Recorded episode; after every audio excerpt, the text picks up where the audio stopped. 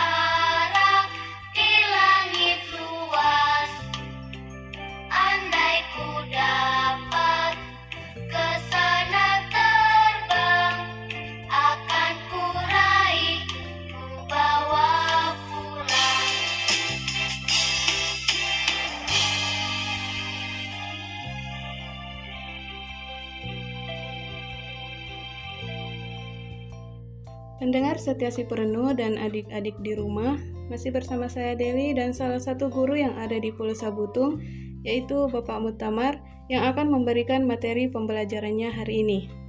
Halo Pak, apa kabar? Baik-baik. Materi yang ingin Bapak ajarkan hari ini seputaran apa? Uh, saya masih seputar lingkungan sahabat kita, tema satu manusia dan lingkungan pembelajaran ketiga. Baik adik-adik dan pendengar si perenuh, sebelum Pak Mutamar memberikan materinya, alangkah baiknya adik-adik siapin dulu alat tulisnya dan jangan lupa untuk tetap mematuhi protokol kesehatan. Baik Pak, silahkan dimulai materinya. Terima kasih. Uh, apa kabar anak-anakku semua? Uh, Bapak berharap semoga sehat-sehat dan tetap mendapat lindungan dari Allah Subhanahu wa taala uh, sebelum lanjut uh, mari kita berdoa terlebih dahulu. Uh, doa dimulai.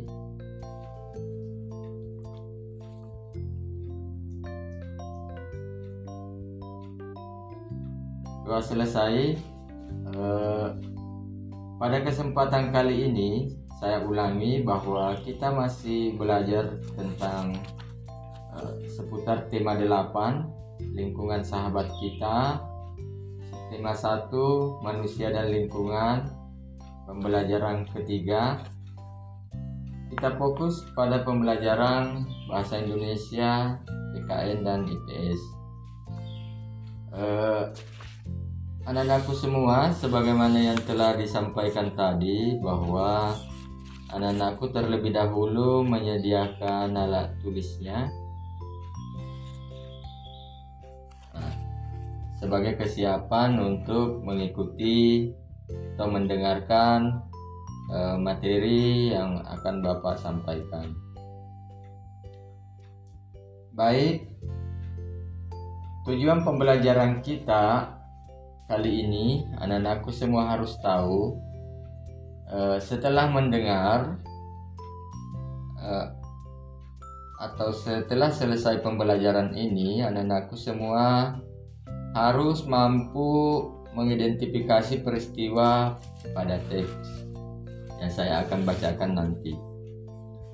Yang kedua, anak-anakku semua harus mampu mengidentifikasi atau mengenal keragaman sosial budaya masyarakat yang ada di negara kita yaitu Indonesia. Yang ketiga, anak-anakku semua harus mampu menunjukkan sikap toleransi yang dapat dilakukan dalam keragaman sosial budaya yang ada di Indonesia. Kemudian yang keempat, anak-anakku semua setelah mengikuti materi kali ini mampu mengidentifikasi atau mengelompokkan jenis-jenis usaha dan kegiatan ekonomi masyarakat Indonesia. Baik, eh, saya akan membacakan materinya yaitu keberagaman sosial budaya masyarakat Indonesia. Bangsa Indonesia terdiri atas berbagai pulau dan daerah yang memiliki eh, karakteristik yang berbeda-beda. Bagaimana kita ketahui negara kita ini adalah negara kepulauan yang terbentang dari Sabang sampai Merauke itu sangat panjang sekali dan di dalamnya dihuni oleh beberapa uh, keragaman-keragaman masyarakat yang memiliki keragaman suku, keragaman bahasa, keragaman agama, keragaman rumah adat, keragaman berpakaian, keragaman kesenian daerah, dan lain-lain. Negara Indonesia mempunyai keragaman sosial budaya yang sangat tinggi.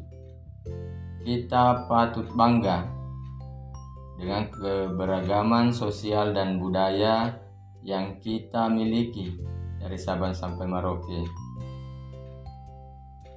Beragam budaya seperti saya sebutkan tadi suku, bangsa, bahasa, adat istiadat, agama, dan banyak lagi. E, berikut saya akan bahas satu persatu e, keragaman keragaman itu yang ada di Indonesia yaitu satu keragaman suku. Nah, suku bangsa adalah golongan sosial yang dibedakan dari golongan sosial lainnya. Karena memiliki ciri paling mendasar dan umum berkaitan dengan asal-usul tempat asal serta kebudayaannya.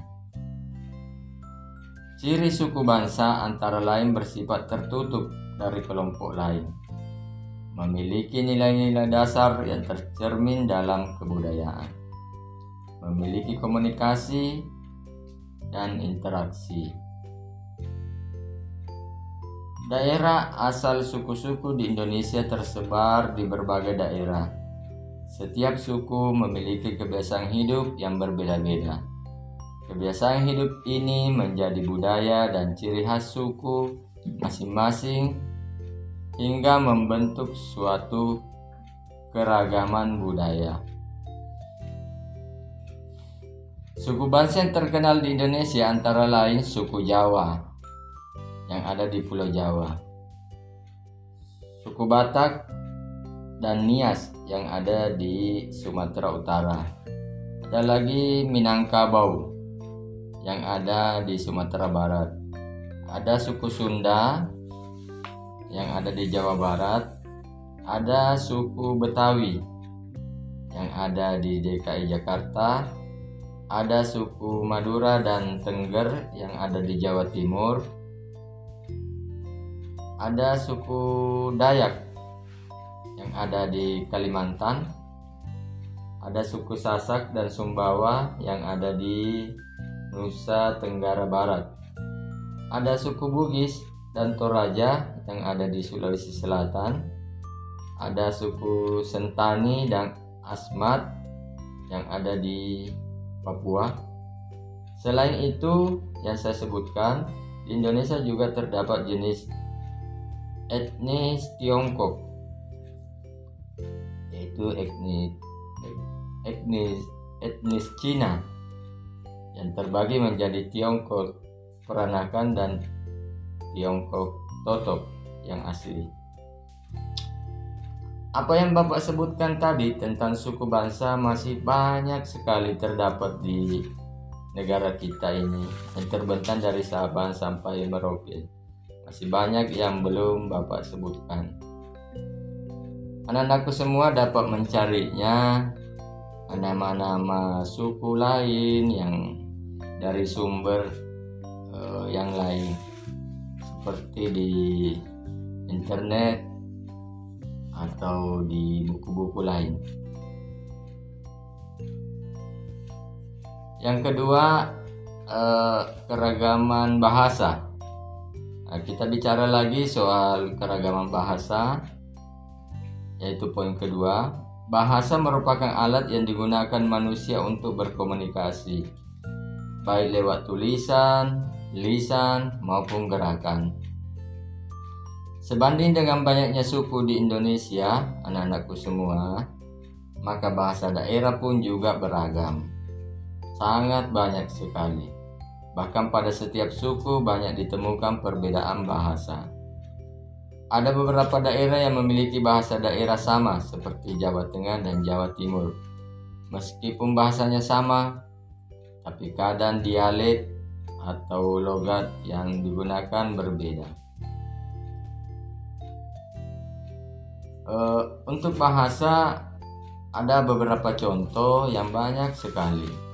Seperti orang Madura bahasanya lain, orang Jawa bahasa Jawa, bahasa Sunda, bahasa Bugis, bahasa Mandar, bahasa Makassar. Dan dari Sabang sampai Merauke bahasa itu sangat banyak sekali. Seperti yang saya katakan tadi bahwa anak-anakku semua dapat mencari di sumber lain di internet maupun di buku-buku ini tentang keragaman bahasa yang ada di Indonesia. Tetap semangat anak-anakku semua. Saya lanjut lagi yang ketiga. Ada lagi keragaman agama. Saya bahas lagi tentang keragaman agama. Indonesia merupakan negara berketuhanan yang menjunjung tinggi kebebasan beragama. Ketentuan ini ditegaskan dalam Pancasila sila pertama yaitu ketuhanan yang Maha Esa dan Undang-Undang Dasar 1945 pasal 29 ayat 2 yaitu negara menjamin kemerdekaan tiap-tiap penduduk untuk memeluk agama masing-masing dan untuk beribadah menurut agama dan kepercayaannya itu. Jadi di Indonesia ini banyak sekali terdapat agama dan kepercayaan. Karena untuk hidup di negara kita itu wajib memiliki agama dan atau kepercayaan. Karena negara kita sebagaimana yang saya sebutkan tadi adalah Sila pertama Pancasila yaitu ketuhanan yang Maha Esa. Eh, artinya warga negara yang hidup di Indonesia harus memiliki agama atau kepercayaan.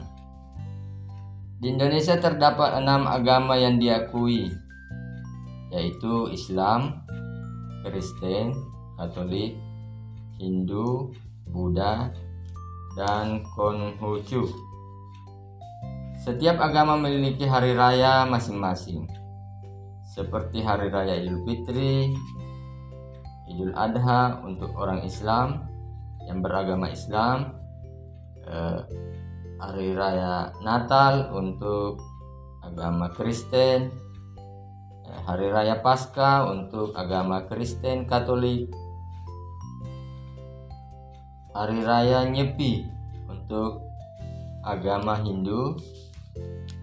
Kemudian ada lagi istilah eh, hari raya Waisak untuk pemeluk agama Buddha. Dan Cap Gome untuk kepercayaan atau agama Konghucu. Setiap agama memiliki lembaga keagamaan sendiri lembaga keagamaan itu seperti MUI untuk Islam, kepanjangannya Majelis Ulama Indonesia. Untuk agama Kristen namanya PGI, yang untuk namanya Katolik namanya KWI, untuk Hindu eh, PHDI, dan untuk Buddha namanya Walubi. Yang untuk Konghucu namanya mata kini. Itulah lembaga-lembaga untuk eh, agama-agama yang saya sebutkan tadi. Bapak telah menyajikan sudah tiga keragaman di Indonesia itu keragaman suku, bangsa, keragaman bahasa, keragaman agama. Sekarang saya lanjut kepada eh, poin keempat yaitu keragaman rumah adat. Nah, ini juga banyak terdapat di Indonesia. Eh, sebagaimana anakku semua dapat melihatnya di, di siaran TV atau berkunjung di tempat-tempat lain.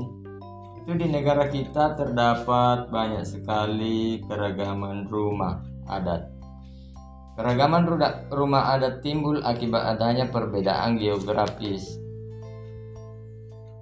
atau perbedaan tempat atau wilayah. Suku yang mendiami daerah pegunungan memiliki bentuk rumah yang berbeda dengan suku yang tinggal di daerah pantai. Bukan hanya bentuk, bahan bangunan serta bagian-bagian rumah juga memiliki banyak perbedaan mengikuti bentuk adaptasi yang dilakukan di setiap daerah. Setiap suku di Indonesia memiliki rumah adat yang berbeda dengan suku yang lainnya.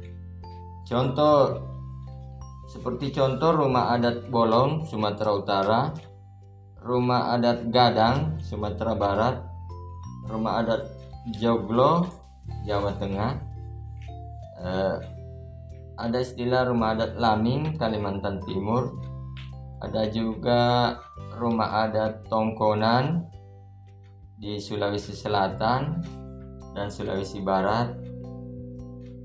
Kalau Sulawesi Selatan ini biasanya terdapat di daerah Tanah Toraja.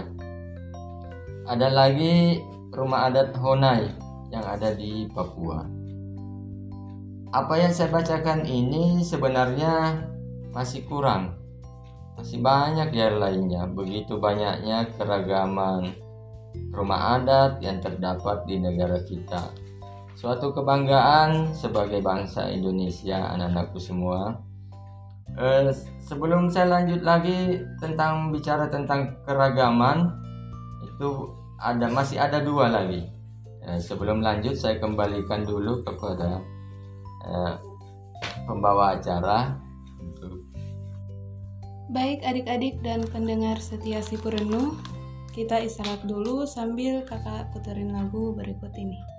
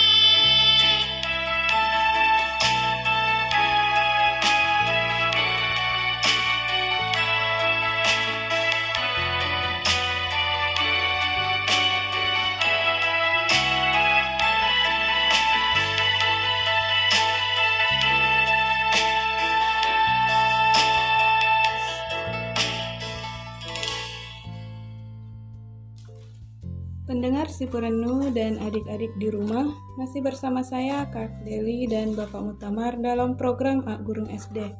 Silahkan Pak dilanjut materinya. Baik anak-anakku semua tetap semangat. Uh, saya tadi berbicara tentang keragaman yang ada di Indonesia masih saya lanjut tentang poin kelima yaitu keragaman pakaian adat. Nah, kita bicara lagi tentang pakaian adat. Pakaian adat tradisional Indonesia merupakan salah satu kekayaan budaya juga yang dimiliki negara negara kita. Banyaknya suku dan provinsi yang ada di wilayah negara Indonesia membuat keragaman baju adat penduduk Indonesia. Pakaian adat di Indonesia memiliki ciri-ciri khusus dalam pembuatan atau dalam mengenakan pakaian adat tersebut. Contohnya pakaian adat Ele Balang yang ada di Aceh, pakaian adat Ulos yang ada di Sumatera Barat, pakaian kebaya yang ada di Jawa Tengah, eh, pakaian baju cele yang ada di Maluku, eh, pakaian baju bodoh yang ada di Sulawesi Selatan. Anak-anakku semua tentu sudah mengenal baju bodoh karena kita berada di Provinsi Sulawesi Selatan. Ada namanya pakaian adat perang, perang dari Kalimantan Barat.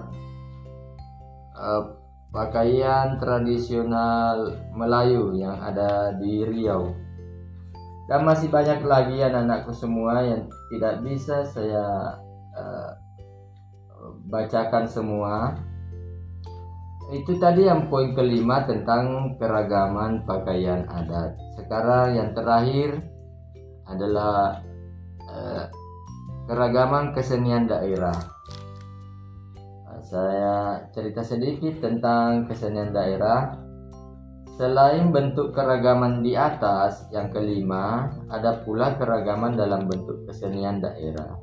Kesenian daerah yang ada di Indonesia sangatlah banyak dan beragam. Setiap suku bangsa memiliki kesenian khas daerah masing-masing.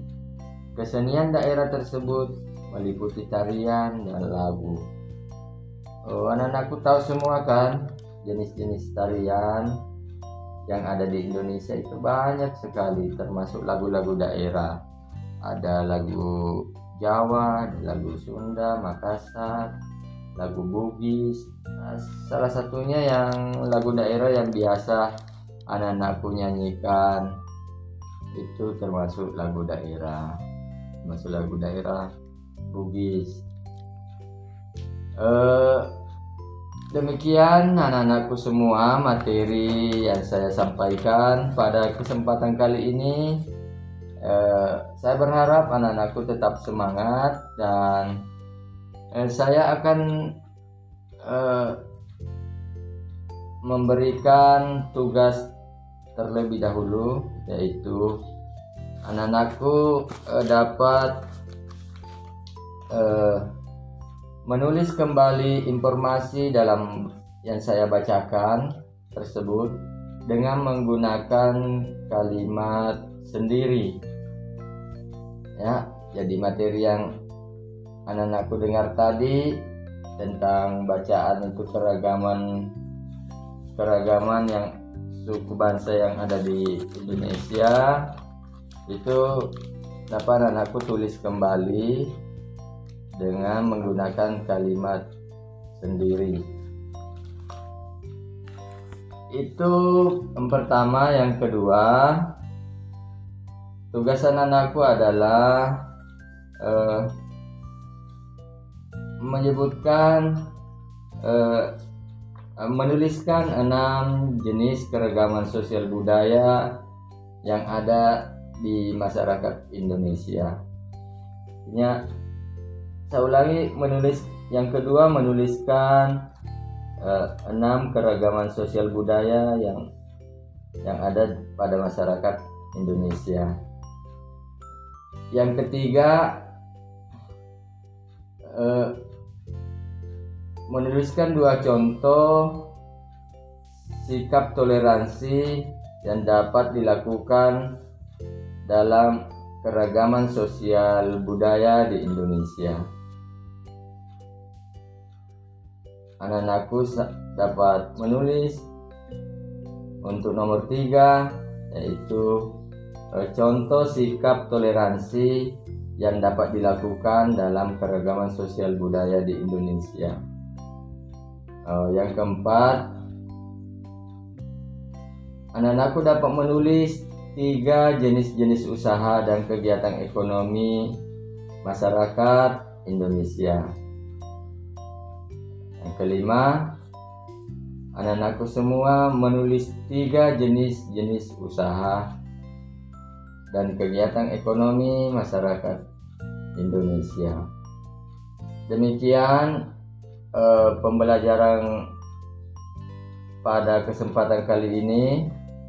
Saya berterima kasih kepada anak-anakku semua eh, setia mendengarkan pembelajaran pada radio ini. Eh, saya akhiri. Assalamualaikum warahmatullahi wabarakatuh. Adik-adik dan pendengar si Purenu, itulah tadi materi yang sempat disampaikan Pak Mutamar dalam program Ak Gurung SD. Semoga apa yang disampaikan Pak Mutamar hari ini bermanfaat dan dapat adik-adik dan pendengar Sipurenu semua memahaminya dengan baik. Baik, sampai di sini dulu saya menemani adik-adik dan pendengar Sipurenu dalam program Ak Gurung SD. Tetap ingat jaga kesehatan dan patuhi protokol kesehatan, yaitu memakai masker, rajin mencuci tangan, dan selalu menjaga jarak. Saya Deli, mohon maaf apabila ada salah kata. Wassalamualaikum warahmatullahi wabarakatuh.